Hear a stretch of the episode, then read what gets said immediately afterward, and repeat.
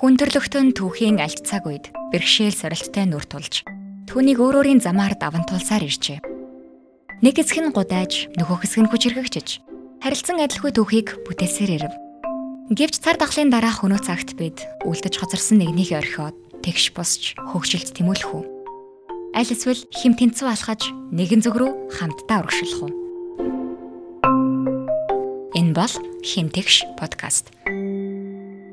За хим тэгш подкастын энэ удаагийн дугаар эхэлж байна. Би хөтлөгч Зооло, хуульч, гендер ба хөгжил судлаач. Тэгээд өнөөдөр бид нар маш чухал одоо шин сэргэлтийн бодлогын миний хувьд бас судлаачийн зүгээс харж байгаа нэлээд чухал суур болсон зорилт буюу төрийн бүтээмжийн сэргэлт сэдвэр бол ярилцах болно.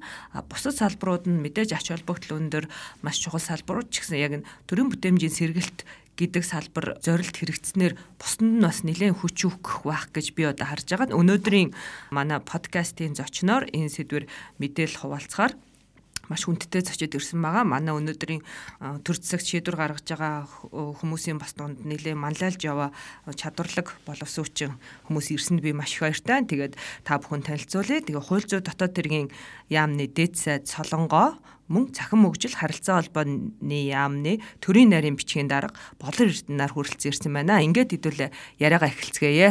Тэгэд өнөөдөр хэдүүлээ а одоо энэ шин сэргэлтийн бодлогын хүрээнд хэрэгжиж байгаа зорилт 6 одоо төрийн бүтээмжийн сэргэлтийн хүрээнд танаас салбаруудад юу явагдаж юу өрнөх вэ те хүмүүс ер нь залуучууд одоо жирийн иргэний амьдралд энэ нь яаж буух вэ гэдэг юм уу илүү юм энгийн төвшөнд ярилцъя гэж бодсон.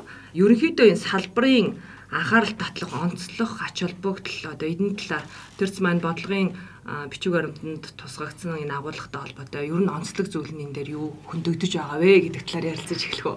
За сайн байна уу. Энэ өдрийн мэндийг хүргэе. Төрийн бүтээмжийн сэргэлт гэдэг сэдв бол яг шин сэргэлтийн бодлогын 6 дахь том зорилт байгаа. Бодлогыг хэрэгжүүлэхэд бол хууль зүйн дотоод хэргийн яам, захим хөгжил харилцаа холбооны яамтай хамтарч одоо ажиллаж байгаа. Тэгээ ер нь бол хууль зүйн дотоод хэргийн яамны хийх ажил юу вэ гэхээр хууль тогтоомжийг одоо боловсронгуй болгох ерөнхийд нь бас бид нар төрийн үйлчлэгийг иргэдтэй үзүүлэхдээ яаж аль болох хүн сурталх уу чанартай хүртээмж үзүүлэх үү гэдэг дээр бол хууль эрх зүйн орчныг бас боловсронгуй болгох дээр бол ажиллаж байна. Тэгээ үүнтэй холбогдуулаад бол яг төрийн бүтээмжийн сэргэлт гэдэг яг иргэдэд маань хамгийн ойрхон буух ёстой зүйл маань төрөөс үйлчлэгийг иргэн хууль хуулийн этгээд бизнес эрхлэгчд маань аль болох төвөгч хэрэгдэл багтаа хүн сурталгүй хурдан хугацаанд чанартай авах хэрэгтэй байгаа. Тэгээ үүнтэй холбогдуулаад бол манай яамнаас бол яг цахим шилжилт цахимын 5 багц хууль одоо өнгөрсөн жил санаачлаад цахим хөгжил харилцаа холбооны яамтай яг агентлаг багт нь хамтарч ажиллаад улсын хурлаар энэ цахимын 5 багц хууль маань батлагдсан байгаа. Тэгээ ингэснээрээ одоо энэ хууль батлагдаад 5 дугаар сарын 1-ээс хэрэгжиж эхлэх ёстой энэ оны 5 багц хууль маань хэрэгжиж эхэлснээр иргэн болгон маань тоон гар үсгтэй болно. А тэгэхээр бид нар нөгөө гарын хурууны хэгийг уншуулж төрийн үйлчлэгийг аваад байдаг маань илүү хэлбэршин. Хуулийн маань хэрэгжилтийг бол захин хөгжил харилцаа холбооны яам одоо хариуцаад ажиллаж байна.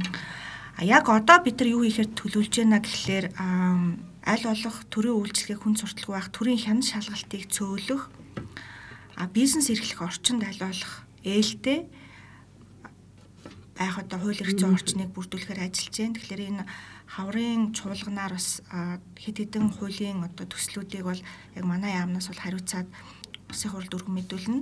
Нэг хууль маань бол аж ахуй үйл ажиллагаа эрхлэхэд төрийн хэн шалгалт бол нэлээд байдаг. Үйлчлэгээний салбарт яг мэрэгжлийн хяналтын шалгалт тавигт давхцдаг олон байгууллага зэрэг шалгадаг гэсэн бас их шүүмжил байдаг. Тэгэхээр бас энэ төрийн хэн шалгалттай холбогдуулаад 2024 оны 12 дугаар сарын 31-ний хүртэл хугацаанд бол төлөвлөгөөлт гихын шалгалтыг төр зогсоох одоо хуулийн төслийг бол боловсруулаад улсын хурлд өргөн мэдүүлсэн.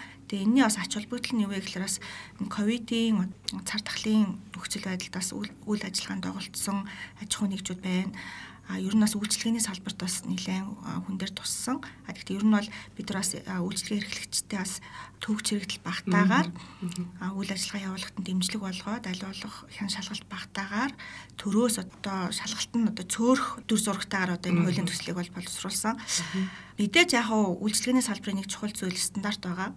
Аа бид нар бас мэдээж олон нийтийн одоо иргэдийн одоо гомдол хүсэлтээр бас төлөвлөгөөт бус хян шалгалтыг бол хийх боломж нь нээлттэй үлдэж байгаа. Нилээн тусгаалсан одоо чиг үүргийн хян шалгалт бол үргэлжлэнэ. Аа өөр нэг бас одоо улсын хурал дээр яг байгаа ажлын хэсэг ажиллаж байгаа нэг хуулийн төсөл яг манай яам бас нэлээд оролцсон хуулийн төсөл маань зөвшөөрлийн тухай хуулийн төсөл байгаа. Тэгээ энэ дээр бол аль болох тусгай зөвшөөрлийн тоог багасгах. Одоо бид нар одоо ингээд бизнес эрхлэх юм уу нэг иргэн одоо нэг тий нэг юм нээх гэхээр тий бизнес нээдэг ч юм уу одоо ингээд яг аж ахуй үйл ажиллагаа эрхлэх гэхлээр а зөвшөөрөл тусгай зөвшөөрөл эсвэл хин нэг одоо төрийн албан тушаалтны гарын үсэг хэрэгтэй байдаг. Тийм асуудлууд байдаг. Тэгэхээр энэ одоо зөвшөөрлийн тоог ойлгомжтой болгох, багасгах, аль болох энэ зөвшөөрөл авах үйл ажиллагааг захимжуулах асуудлуудыг бас тусж байгаа. Аа яг манай яамнаас бас нэлээд анхаарлаа хандуулж ажиллаж байгаа нэг хуулийн төсөл бол эрүүгийн хуульд одоо өөрчлөлт оруулах. Энэний ач холбогдол нь юу гэхлээр төрийн бүтээмжтэй холбогдуулаад яалтчгүй бид нар анхаарах хэрэгтэй зүйл маань авилга албан тушаалын гэмт хэргийн одоо тий бууруулах, авилгыг үл твчих соёлыг одоо түгээн дэлгэрүүлэх шаардлагатай байна. Ер нь бол ялын бодлого нэлээд чангарахаар бас эрүүгийн хуульд нэмэлт өөрчлөлт оруулахаар бол ажлууд бол хийгдэж байна. Нөгөө хүмүүсийн бас байнга л одын гомдолдог энийг өөрчилчөөсөө энийг засчаасаа гэсэн юмнууд сонсогдож байгаад маш их баяртай. Тэгээ яг нөгөө яг хизээ дээр хүн суртал авлага гэдэг маань хүмүүс нөгөө тухайн мэдээл ойлгомжгүй те одоо нэг юм нэхгээр ойлгомжгүй юм уу хэдэн хүнээр дамждаг эсвэл одоо маш их албаны хэлээр бичсэн эсвэл одоо маш их цаас гэх те. Тэгэхээр түүнийг яг та бүхний хэлж байгааг амьдрал дээр буулгахад хүнд одоо accessible буюу хүртээмжийг нэмэгдүүлэх дээр бас яг цахим мөгжил харилцаа холбооны яамны бас илүү одоо хамтын ажиллагаа тодорч гарч ирэх бах тий. Гэсэн цахимжуулалт бол гол түмэн гэж харж байгаа. Ялангуяа энэ төрийн бүтээмжийн сэргэлт гэхээр энэ зөвхөн төрийн бүтээмж одоо төр одоо дотроо тий ийм сайжруулалтууд хийх гээд байгаа биш. Ер нь аль энэ төрийн бүтээмжийн сэргэлтийг хийх одоо энэ замаар хувийн хвшил иргэдтэл илүү амар хялбар accessible те хүртээмжтэй ийм л одоо төрийн үйлчлэгийг хүргэх гэдэг. Тэгээ энэ төрийн бүтээмжийн сэргэлтийг бусад улсууд дээр тарсан McKinsey ч юм уу PwC-ийн судалгаанууд бол ерөөсөө гол түмэн дандаа захимжуулж байна. Аа бидний хувьд бол өнгөрсөн 2020 оны 10 сарын 1-нд ийм Монгол яг нээсэн. Аа өнөөдөр 650 үйлчлэгээтэй байна а иргэдийн ер нь өдөр тутам авах хэрэгтэй бүх үйлчлэгнүүд одоо орж эхэлж байна тийм. А энэ дээр гол одоо хамгийн том сорилт бидний хувьд эхлээд улс төрийн шийдвэр гаргалт улс төрийн манлайл байсан бол өнөөдөр энэ манлайл гараад ирэхээр иргэдийн захин одоо боловсролын асуудал иргэдэд хүргэх асуудал гарч ирдэг. Тэгэхээр манай яамны зүгээс ч тэр хөдөө мал дээр байгаа иргэн малаа хариулаа бэлчээртэй явж байгаа отортой явж байгаа иргэн гар утсаараа тэр төрийн үйлчлэгийг авдаг бахал одоо бидний ажлын шалгуур үзүүлэлт гэж харагдав. Түүнээс бол мэдээж одоо олон улсын зөндөө гоё индексүүд хүртээмжтэй хялбар амар хурдан төрийн үйлчлэгийг одоо иргэдэд хүргэдэг байх нэг асуудал. А хоёр дахь асуудал бол өнөөдөр бид нар Монголд хідэн төрийн үйлчлэгээ гэдгийг тоолсон юм судалгаа олоогүй. Бид нар одоо 650 үйлчлэгээ гаргачлаа хідээ гаргах вэ гэдээ одоо мэдээ судалгаа хийх хэрэгтэй болно шүү дээ Тэгэхэд бол манай хийсэн судалгаараа судалгаагаар 12 мянга гарт. 3.4 сая хүн амтай ийм улсад 12 мянган ширхэг төрийн үйлчлэгээ байна гэдэг энэ бол үнэхээр бүтээмжгүй төрөг байна гэсэн л үг шүү. Тэгэхээр энэ цаг хугацааны хувьд бол өнөөдөр Монголын засгийн газар ингэж харж байгаа зөв. Энэ захимжилттай ялангуяа энэ ковидтай ийм үед ингэж явж байгаа нь одоо моментум олсон гэж харж байгаа. Одоо өөрөө ажиллаж байгаа дач биш юм бол. Аа тэгэхээр зөвхөн нэг үйлчлэгээ гэхтэл одоо архины зөвшөөрөл авах гэдэг үйлчлэгээ бол орон нутаг аймаг сум дүүрэг бүгд өөрөө өөрийн шалгуураар өөрөө өөрийн стандартаар өөр өөр бичиг баримт бүрдүүлээд бид нэг ийм үйлчлэгийг захимжуулах 88 янзаар захимжуулах хэрэг болж. Тэгэхээр энэ шин сэргэлтийн бодлого дээр давхар явж байгаа юм бол ерөөс төрийн албыг оновчлох, re-engineering хийх ажил явж байгаа. Одоо сонсож байгаа залуучуудад бол уйтгартай санагдана. Угаасаа ингээл одоо гараал дандаа л улс төрчүүд ярьдаг тий. А тэгтээ одоо үнэхээр болохгүй байгаа нь үнэн. Бид нэр янзлах нь үнэн. А энэ дээр харин залуучуудын хувьд бол шийдэл дээр нь хамтарч ажиллах. Одоо харьцангуй залуучуудын оролцоо манлайл ингээ гараад ирж байгаа. Хувийн хвшлээс иргэний нийгмийн байгууллагуудаас залуучууд дуу хоолойгоо илэрхийлээ. Тэр нь бодлогот үнэнгээсээ шингээд те хууль эрх зүйн орчинд үнэнгээсээ шингээд явж байгаа болов гэж харж байгаа. Тэгэхээр бидний хувьд бол зөвхөн захимжуулахаас гадна энэ төрийг оновчлох төрийн үйлчлэгийг нэг стандарттай үйлчлэгээ гаргах гэдэг өөрөө стандарттай Яг нөгөө нэг өмнө нь бол ингээл бүрийн байгууллага юм хөөцөлт нь бичиг баримт хөөцөлт нэхэр бүр хайширдаг үст яана гэдэг. Тэгэхээр нөө харьцангуй маш олныг нь бас өнөөдрийн жирийн иргэний миний хувьд одоо Монголиа ч юм хөнгөвчлж байна те. Тэгэхээр бас дээр нь одоо ингээд цаашаа хаашаа явах гэж байгааг сонсоход ихтгэл найдвар яг та хоёртой яриа сууж хахад ингээд орт бодлого боловсруулагчид дунд э, нэлээд бас одоо өндөр мэдлэг чадвартай та хоёртой яриа суугаад ингээд үнэхээр ихтгэл өмчлөлт төрж байна. Гэхдээ энийг хэрэгчгэд ийм саад бэрхшээл ч юм уу, эрсдэл юм уу, өнөөгийн нөхцөл байдлын тиймэрхүү завинж байгаа юмнууд байна уу? Хамгийн гол юмнаас хэрэгжүүлэх л байна л та. Тэгээ ингээ хэрэгжүүлэхэд бас бидэрт бол аа хүний нөөц төсөв бусад нөөц бололцоо хангалттай юу гэдэг асуудал гарч ирэн. Гэхдээ ер нь бол яг яалтчгүй төрийн бүтээмжийг сайжруулах гол цөм маань сая болор эрдэнэ хэллээ цахимжуулалт байгаа. Тэгэхээр бас бид нар аль болох хүнд найдах биш, аль болох цахимжуулж үйл ажиллагаагаа хурдан шуурхаа явуулах болох чиглэлээр бас томоохон бас ажил хийгдэхэр төлөвлөж байгаа. Энэ бас энэ манай өнөөдрийн бас засгийн газрын бүтэц зохион байгуулалтад бас цогц дүнж шинжилгээ хийгээд ер нь бас бид нар хамгийн оновчтой бүтцэн юу байх вэ гэдгээ бас гаргаж ирэх хэрэгтэй байгаа. Манайх одоо ингээд төрийн захиргааны төв байгууллага гэдэг яамдууд манд бодлого тодорхойлоод хэрэгжүү тодорхойлж байна. А хэрэгжүүлэгч агентлагууд, тохируулагч агентлагууд дээр илүү хэрэгжилттэй А тэгээ бас олон төрийн өмчт компаниуд байна. Хэрэгжүүлэгч болон тохируулагч агентлагуудын маань бусад төрийн байгууллагуудын маань бас ажлын уялдаа холбоо сайн байна уу? Зөвшөөрөл олох одоо үйл явц одоо төрийн үйлчлэгийг үзүүлэх үйл явц маань хэрэг хүн сурталтай байна, субъектив нөлөөлөл хэр орохоор байна гэд ер нь бол тийм ажлын байрны бүрэн зураг авалт хийх бас ажил бол одоо төлөвлөгдөж байгаа.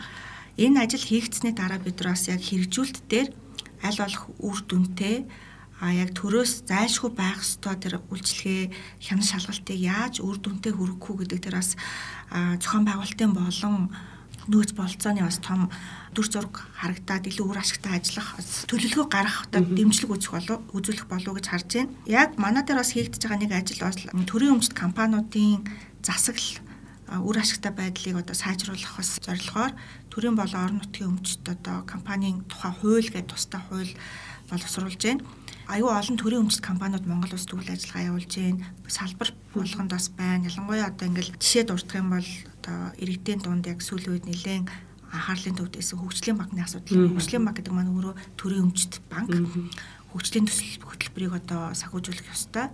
А гэхдээ хөгжлийн банкны маань үйл ажиллагаа бас хангалттай шилэн байгаагүй, нээлттэй байгаагүй. Иргэд маань одоо ер нь бол яг энэ банкнд одоо юу болоод өнгөрвөө гэдэг байдлаар мэдээлэл авч байна те. Тэгэхээр бас цаашдаа энэ төрийн өмчт компаниуд маань Тэр нь бол төрийн өмчт компани яагаад байгаа гэхлээрээс зайлшгүй шаардлагатай салбарууд байна. Аскол тодорхой хэмжээгээр бид нар хөгжлийг дэмжиж бас энэ компаниудыг байгуулж байгаа. Тэгэхээр бас энэ компаниудын маань үйл ажиллагаа үр ашигтай байх хамгийн гол нь бас иргэдэд маань нээлттэй байх хууль эрх зүйн орчныг бас бүрдүүлэхээр ажиллана. Гэхдээ мэдээж бас яг хууль батлах нэг хэрэг хамгийн гол нь тэрийг бас хэрэгжүүлэх айгуу чухал байгаа. А би одоо ингээ яг харахаар сүүлийн 30 гаруй жилийн хугацаанд манай улс яг институцийн болон одоо хууль эрх зүйн хувьд бол маш их шинжилгээ хийсэн. А барууны айлч одоо арчилсан улсад байдаг те томоохон институцүүд бүгдээрээ Монголд байна. А бүх одоо олон улсын томоохон санаачлагуудад нэгдэж орсон. Тэр ер нь бол яг бид нэр хууль батлах институц бий болохтой бол хангалттай ажилласан. А гэхдээ яг хэрэгжүүлэх одоо байгаа институцүүдийнхаа бас яг анхных нь бас бидний бодсон үйл харимтлал те зарчмын дагуу үйл ажиллагаа явуулахад нь одоо дэмжлэг үзүүлэх илүү сайжруулах ажлууд бол хийгдэж байгаа хийгдэх шаардлагатай юм болов уу гэж бол хардаг. Тэгэхээр бас энэ төрийн бүтээмжийн сэргэлт гэдэг сэдв баан өөрөө бас дотроо олон хуваагдаад том бол ажил. Одоо жишээ нь төрийн үйлчлэгээд үйлчлэгийг иргэдэд хүн сурталгүй хүргэнэ гэдэг маань өөрөө бас маш олон зүйлийг агуулж байгаа. Тэгэхээр бас хэрэгжүүлэхтэр бол яалтчгүй олон төрлийн байгууллагын уялдаа холбоо зайлшгүй хэрэгтэй захимжилт бол зайлшгүй хамгийн гол цөм нь бол байгаа. Тэгэхээр бас захим хөгжил харилцаа холбооны яам бол энэ дээр бол илүү манлал гаргаад бол ажиллана. Нэрийн өнгөрсөн хугацаанд одоо яг энэ захим дээр хийсэн хөрөнгө оруулалтыг хараад үзэхээр айгүй харамсмаар дүр зураг байгаа хгүй юу? А инновац захин бодлогын байнгын хорооны хийсэн судалгаагаар бол нэг сүүлийн 20 жил одоо зөвхөн софтвер те програм авч хэлэх гэдэг 250 сая доллар зарчилсан. Зарим нь бол бага хэмжээнд төсвөөс гэхдээ ихэнх нь бол олон улсын төсөл хөтөлбөр. А ийм Монголын төслийг бол бид нэг 2 тэрбум гаруй төгрөгөөр хийж байгаа. Хийсэн одоо өдөрт хүртэлтэй одоо зөвхөн програм хангамжих нь.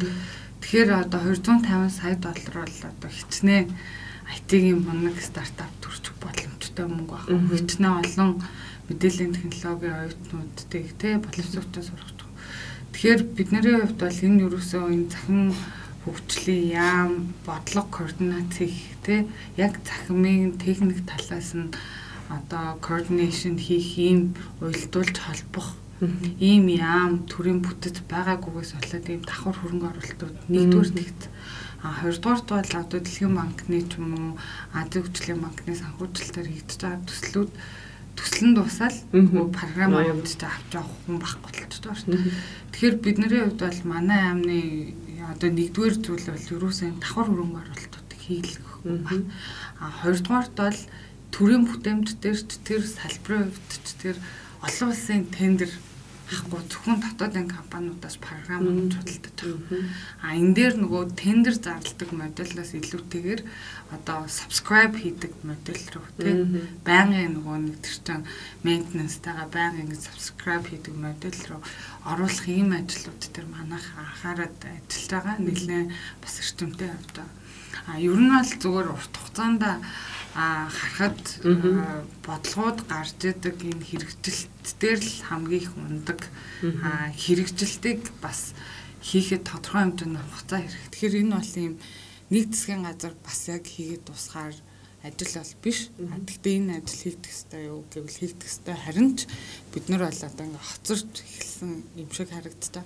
А ийм Монголиагийн хувьд ч гэсэн зүгээр сайн жишээ бол ковид гарсан болохоор ирэх захин бэлтгэлийг авахаас өөр арга болсон.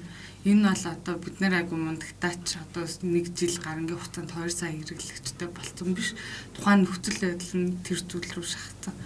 А тэрнтэй адилхан одоо төрийн бүтээмж дээр ч гэсэн угаасаа цаг хугацааны хувьд бодлогын хувьд энэ шахалтууд ирж байгаа учраас илүү хурдан хэрэгжих болов гэсэн хүлээлтүүд байна. А мэдээж төр өөрөө юм нүсэр том энэний өнцөг болон бүр дээр очиж энэ бодлого хэрэгжихэд хугацаа хэрэгтэй. Энэ дээр бас аа эргэд эргээд нөгөө талаасаа шаардлага тавьдаг байх айгу чухал юм байна.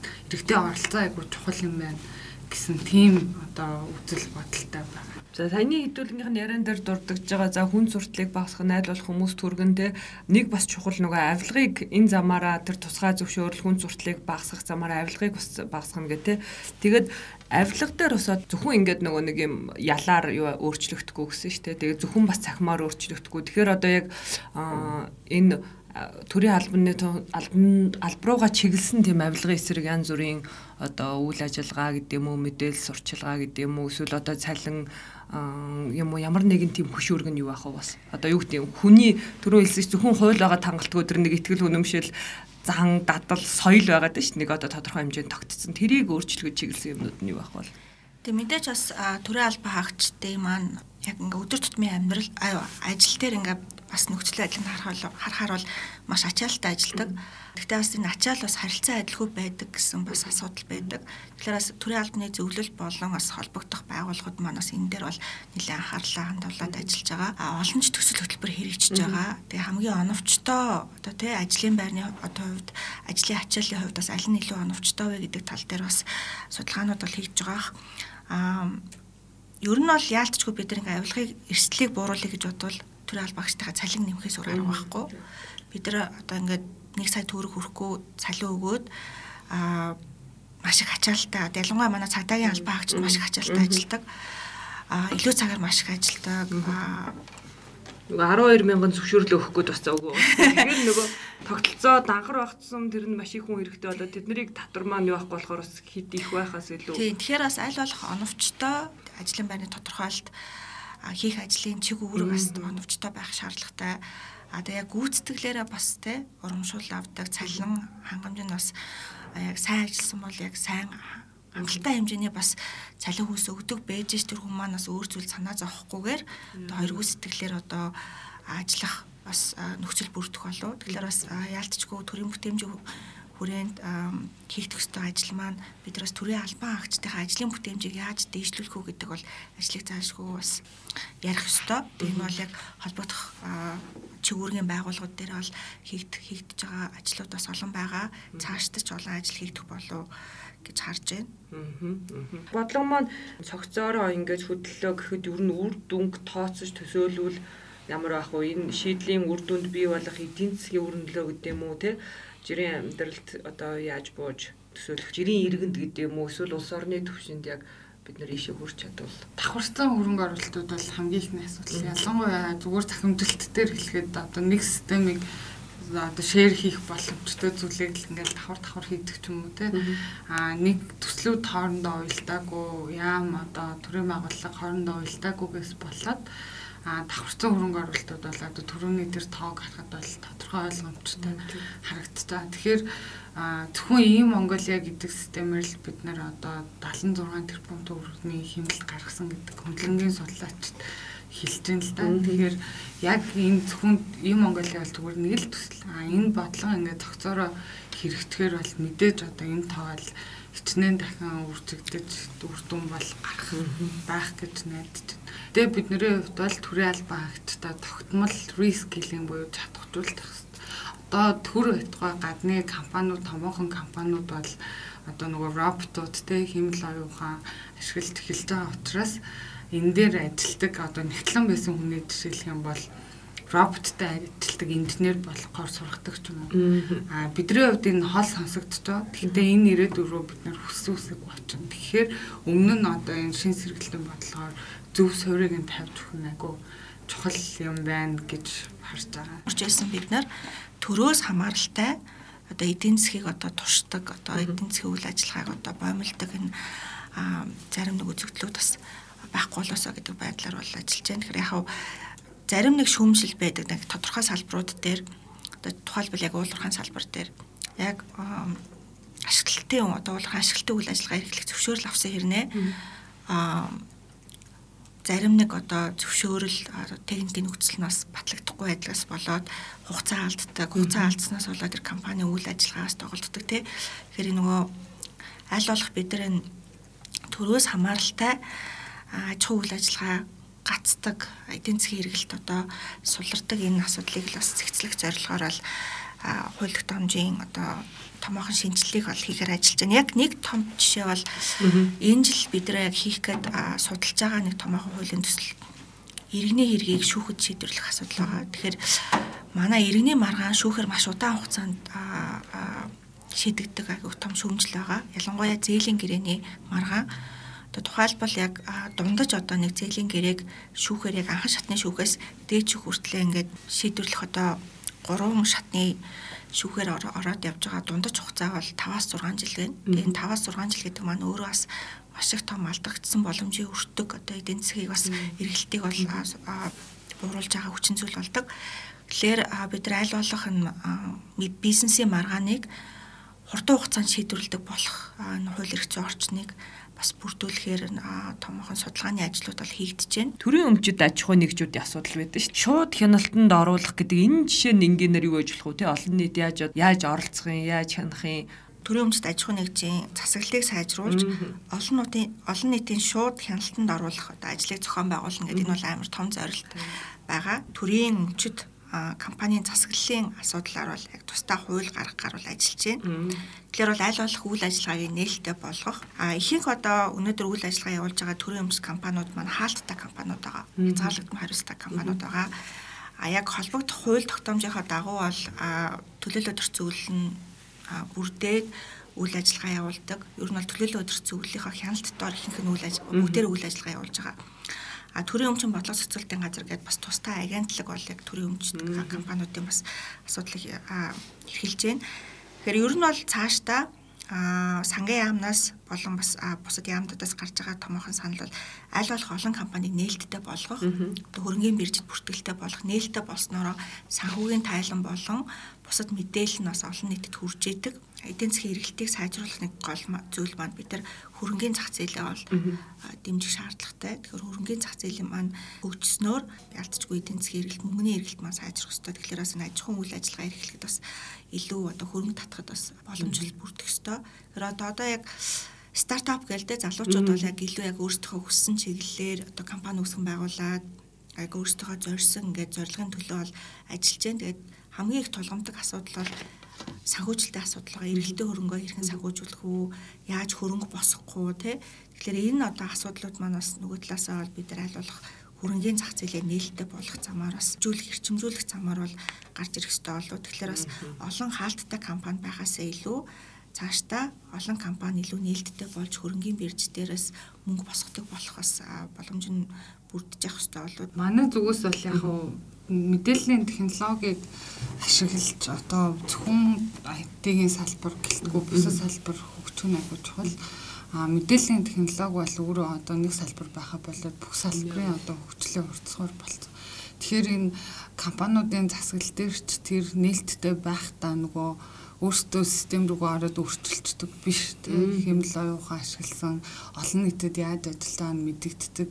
Одоо transparent те нээлттэй ийм системүүдийг ашиглах нь зөв. А тэгэхгүй өөртөө одоо захиалгаараа систем хилэгдэх ч юм уу те. Тэгэхээр нөгөө мэдээж өөртөөхөө хүсэж байгаа байдлаар хилэгдэх. Тэгэхээр бидний хувьд тавьж байгаа шаардлагууд бол ерөөсөө нөгөө түрүүн би яриадсэн subscription SaaS модель руу орох хэрэгтэй. Ер нь манай улс тэр зэгтээ зөвхөн IT-ийн салбар гэхгүй юм sustainable ийм модель руу орохгүй бол бүх юм төсвөөс хамаардаг те нэг төсвийн одоо төсвийн мөнгөө босгох хэцүү нэг жил байлаа гэхэд маш олон юм зогсож идэг. Тэгэхээр зөвхөн төрийн өмчийн компаниуд дээр гэлтэхгүй. Бусад маш олон төсөөлөх хөтөлбөрүүд дээр бол sustainable тогтвортой өөрсдөө ингэж тэжээх боломжтой модель руу орох хэрэгтэй. Энэ бол ингээд өмнөх жишгүүдийг харахад бол ерөөсөө дандаа төсвөөс хамааралтай. Тэгээд нэг төрийн өмчийн компани гэдэг нэртэй мөртлөө байнгын төсвийн хөрөнгөөр явдаг. Эсвэл төрдөө мөнгөөр ажил хийж өгдөг ч юм уу тийм. Энэ бол ингээд юм логикийн айгүйх алдаанууд, бодлогын алдаанууд харагдаад байгаа. Тэгэхээр бидний хувьд бол мэдээж одоо захим яам учраас энэ бүгдийг шинжилгээд гол хэрэгсэл түүл нь бол мэдээллийн технологи IT гэж үзэж байгаа. Аа тийм ч учраас одоо IT-ийн компаниуд бол маш олон компаниуд төрөөс цугтдаг IT-ийн компаниуд ялангуяа одоо тендерээс нь цугтдаг те. Тэгээд ингээд нэг холбогдцохоор нөгөө дүүлэн нэмж юм хийлэгдэх ч юм уу эсвэл атагийн нэрдэх ч юм уу. Тэгэхээр бидний хувьд бол ерөөсөө энэ манай IT-ийн компаниуд бол ялангуяа компаниудын засаглал нээлттэй байх дээр юм subscription гэдэг нэг модель, нэг бүтээгдэхүүн гаргаж өгөөч гэсэн ийм хүсэлтийг бол IT компаниудтай тавиад байгаа. Тэгэхгүй мэдээж өөрсдөө тендер зарлаад хэлэх байгаа хүмүүс бол өөрсдөө шалгуураар хүснээрээ хийлгээл явна шүү дээ. Тэгэхээр ерөөсөө одоо юу ч ярьсан те эдийн засагт ярьсан, уул уурхаач ярьсан, хөдөө аж ахуйч ярьсан энэ бүгдийн одоо хөгжлийг хурдсгах, засаглалыг сайжруулах гол хэрэгсэл бол технологи шат, үе шат болгон, төвшин болгон дээр хэрэглэх нь айгуу чухал гэдэг тийм байр суурь Энэ шин сэргэлтийн бодлогын би ингээд танилцаад харж байхад хамгийн чухал нь яг бидний өнөөдрийн ярьж байгаа санагдаад байгаа байхгүй бүгднгийнх нь холбоос бүгднгийнх нь суур бусад салбар нь мэдээж чухал ч гэсэн яг бүгднгийн илүү илүү нээлт тоо илүү ил тод одоо жирийн иргэнд мэдрэгтгүүц бууж ирж байгаа нь. Одоо энэ бүх салбарын нэлээд чухал ач холбогдлын захимжуулалт илүү хүн суртал бага одоо бидний яриад байгаа бүх юм. Дээр нь тэр утгаараа бас одоо жирийн иргэдэд юм уу бусад аж ахуй нэгж хувийн хвшил иргэн олон нийтэд нэлээд тийм илүү ойр юм болов гэж асуудаг тий эрчим хүчний сэргэлт гэмт магтгүй илүү салбарынхных ч юм уу. Тэгэхээр та хэд одоо юу гэдэг бусад оролцогчдод энэ нийгмийн хувийн хвшил нийгэм иргэний олон нийт эднээс гар бие оролцох боломж байдаг юм уу арга зам байдаг юм уу хаанаас юу эхлэх вэ ч гэдэг юм уу хамтын ажиллагаагаа яаж харж байгаа вэ те одоо ям ямны бодлогыг хэрэгжүүлэх агентлаг тохируулагч агентлагаас гадна бусад нийгмийн оролцогчд хэвлэл мэдээлэлүүд юм уу? Одоо иргэний нийгэм байд юм уу? Эсвэл бүр компани эсвэл бүр жирийн иргэний оролцоо яах юм бол? Аа бидний хувьд бол яг энэ төрийн бүтээмжийн сэргэлтийн нэг хэсэг болоход ийм Монголиагийн одоо хилцүүлэг гэдэг платформ ихээр ажиллаж байна. Өнөөдөр бол яг хаа Facebook дээр эргээд бүхэмдлээ илэрхийлж байна а маш их хэмжээний мэдээлэлүүд явж байна. Яг төрд ирэхээр бол энэ аль биесны гомдол гэж тооцогдохгүй тий. Тэгэхээр бидний хувьд бол нөгөө ажил хэрэгт ийм саналуудыг одоо ярьж болдог ийм платформ байх нь чухал гэж үзэж байгаа учраас ийм Монголиагийн одоо нэг хэсэг болгоод ийм бодлогын хилцүүлгүүд хэлдэг, иргэд санаагаа хэлдэг, иргэд гомдол гаргадаг. А тэрийг харин төрийн алба хариулах үүрэгтэй, асуудлыг шийдэх үүрэгтэй ийм байдлаар явахын тулд ийм Монголиагийн хилцүүлгийн платформ хийхээр одоо төлөвлөл байж лаа л да. Ерөнхий ерөнхий сайдын үүрэг болгосноор. Тэгэхээр энэ бас нэг одоо ярддаг нэг хэрэгсэл болж оролцох нэг ийм платформ болох болов гэж бид найдаж байгаа. А зүгээр нөгөө талдаа бол одоо хамтын ажиллагаа гэдгийг бол бид нар маш их ярьдаг. Мэдээж үе үеийн засгийн газар ярьдаг. Одоо нөгөө шин үг байвал шин үгийг хэлмээр л байна. Одоо яг жинхнээсээ гэдэг шиг те. А тэгтээ одоо үнэхээр хамтын ажиллагаа ярихаас өөр арга байхгүй. А энэ бол ингээд нэг юм асуудал эхлэх үеэс ингээд тууштай манай иргэний нийгмийн байгууллагууд бас оролцох хэрэгтэй юм шиг байна. Тэгвэл зөвхөн нэг хилцүүлэг дээр ороо гардаг ч юм уу те. Нэг хурал дээр ороо санал хэлдэг биш. Энэ дээр бас юм тууштай явах юм оролцоо хэрэгтэй юм шиг байгаа. Ялангуяа өнгөрсөн жилийн бидний батлуулсан захимын 4 5 суурь хөл дээр бол манай салбарынхан ажилласан учраас илүү нөгөө салбарын онцлог өөрсдийнх нь асуудлыг шийдсэн хувил байж чадсан болов уу гэж бас найдаж байгаа. Аа тийм учраас одоо иргэний нийгмийн байгууллагууд оролцох хэрэгтэй. Мэдээж хэвлэл хэвлэл мэдээлэл бол хамгийн чухал. Аа хэвлэл мэдээлэлээр бид нэр өнөөдөр шийдлүүдийг ярьдаг байх, ажил хэрэгт санаачлагуудыг ярьдаг байх, энийг ингээ хөвшил болгох нь маш чухал аа гэж бодож байгаа. Мэдээж одоо байгаа контентуудыг анализ хийгээд үзэхэд бол одоо ажил хэрэг санаачлага явдаг. Тэр нь ажил болтох нь бол маш бага хувьтай харамсалтай. Тэгэхээр тийм ба. За иргэдийн хувьд бол ийм Монголиа дээр манай жишээлбэл өдөрт 1200-аас 1500 санал хүсэлт ирдэг, гомдол ирдэг. А энэний ихэнх нь ерөөсөө захимжааг үйлчлэгийг захимжуулалт гэж ирдэг. Тэгэхээр одоо нөгөө захимжиж эхлээд захимаар үйлчлэгээ авах амар гэдгийг ойлгож байгаа учраас захимжаагүй үйлчлэгээнүүдийг захимжуулаа гэдэг хүсэлт тавьж байгааг бол бид нар маш одоо сайшаалтаагаар хүлээж авч байгаа. Тийм учраас иргэдийн гомдол дээр суурилж дараагийн ямар үйлчлэгээ захимжуулахаа тодорхойлж байгаа. Одоо нөгөө 12 мянгаас ч бид нэр ингээд тэ эрэмблэх хэрэгтэй чухлаар. Тэгэхээр энэ бол ингээд бид нар оролцоог юм дутуу үнэлсээр ирсэн эргэн талдаа ч тэр одоо бид нэр өмнө төрд орохоос өмнө гэсэн ингээл ярьж лээдэн тэгэл явчин ч юм уу. Ийм хандлага одоо биднэрт байгаа тэр нь. Үнэн а энийг харин одоо нөгөө оролцох оролцоогоо хангах дуу хоолойгоо одоо хүргэх а нөгөө талдаа төрийн хувьд бол төвчээртэй сонсдог байх ийм соёлын өөрчлөлтүүд энэ бол ийм ажиллах соёлын өөрчлөлтүүдийг хийх хэрэгтэй байна. Аа. Тийм Ер нь бол ялцчгүй иргэдийн маань оролцоо маш чухал. Бидний одоо хийж байгаа төрийн бүтээмжийг сайжруулах зорж байгаа гол зорилго бол иргэдтэй л яль болох үйлчлэгийг хурдан шуурхай чанартай өргөх байгаа. Үүнтэй холбоотойгоор бас яг олон нийтийн хилцүүлгүүдийг их зохион байгуулах шаардлага гардаг. Тэгээд legal info гэдэг Монголын бас нөгөө бүх хууль тий тогтоол хууль тогтоомжийг одоо нийтэлдэг вебсайт байгаа. Тэгээ энэ вебсайтыг яг манай харьяа агентлаг бол ажилуулдаг байгаа. Тэгээ legal info дээр бид нар бас шинжил хийгээд яг тодорхой хуулийн төслүүд дээр санал цахимаар санал авдаг болох тийм үйлчлэгээ нэвтрүүлэх гэдэг ажиллаж байна. Тэрээс энэ одоо Legal Info вебсайтаа маань шинжил хийгдснээр яг боловсруулагдж байгаа хуулийн төслүүд эсвэл шинээр санаачилж байгаа хуулийн төслүүд дээр бид нар аль болох иргэд аж ахуйн нэгжүүдээс санал авдаг болох. Тэр саналыг нь хэрхэн шийдсэн талаар эргээд бас хариу өгдөг болох боломж бүрдэх болоо тэгэхээр аль болох бас цахимаар иргэдтэйгээ харилцах нөхцөл бүрдүүлэхээр ажиллаж байна.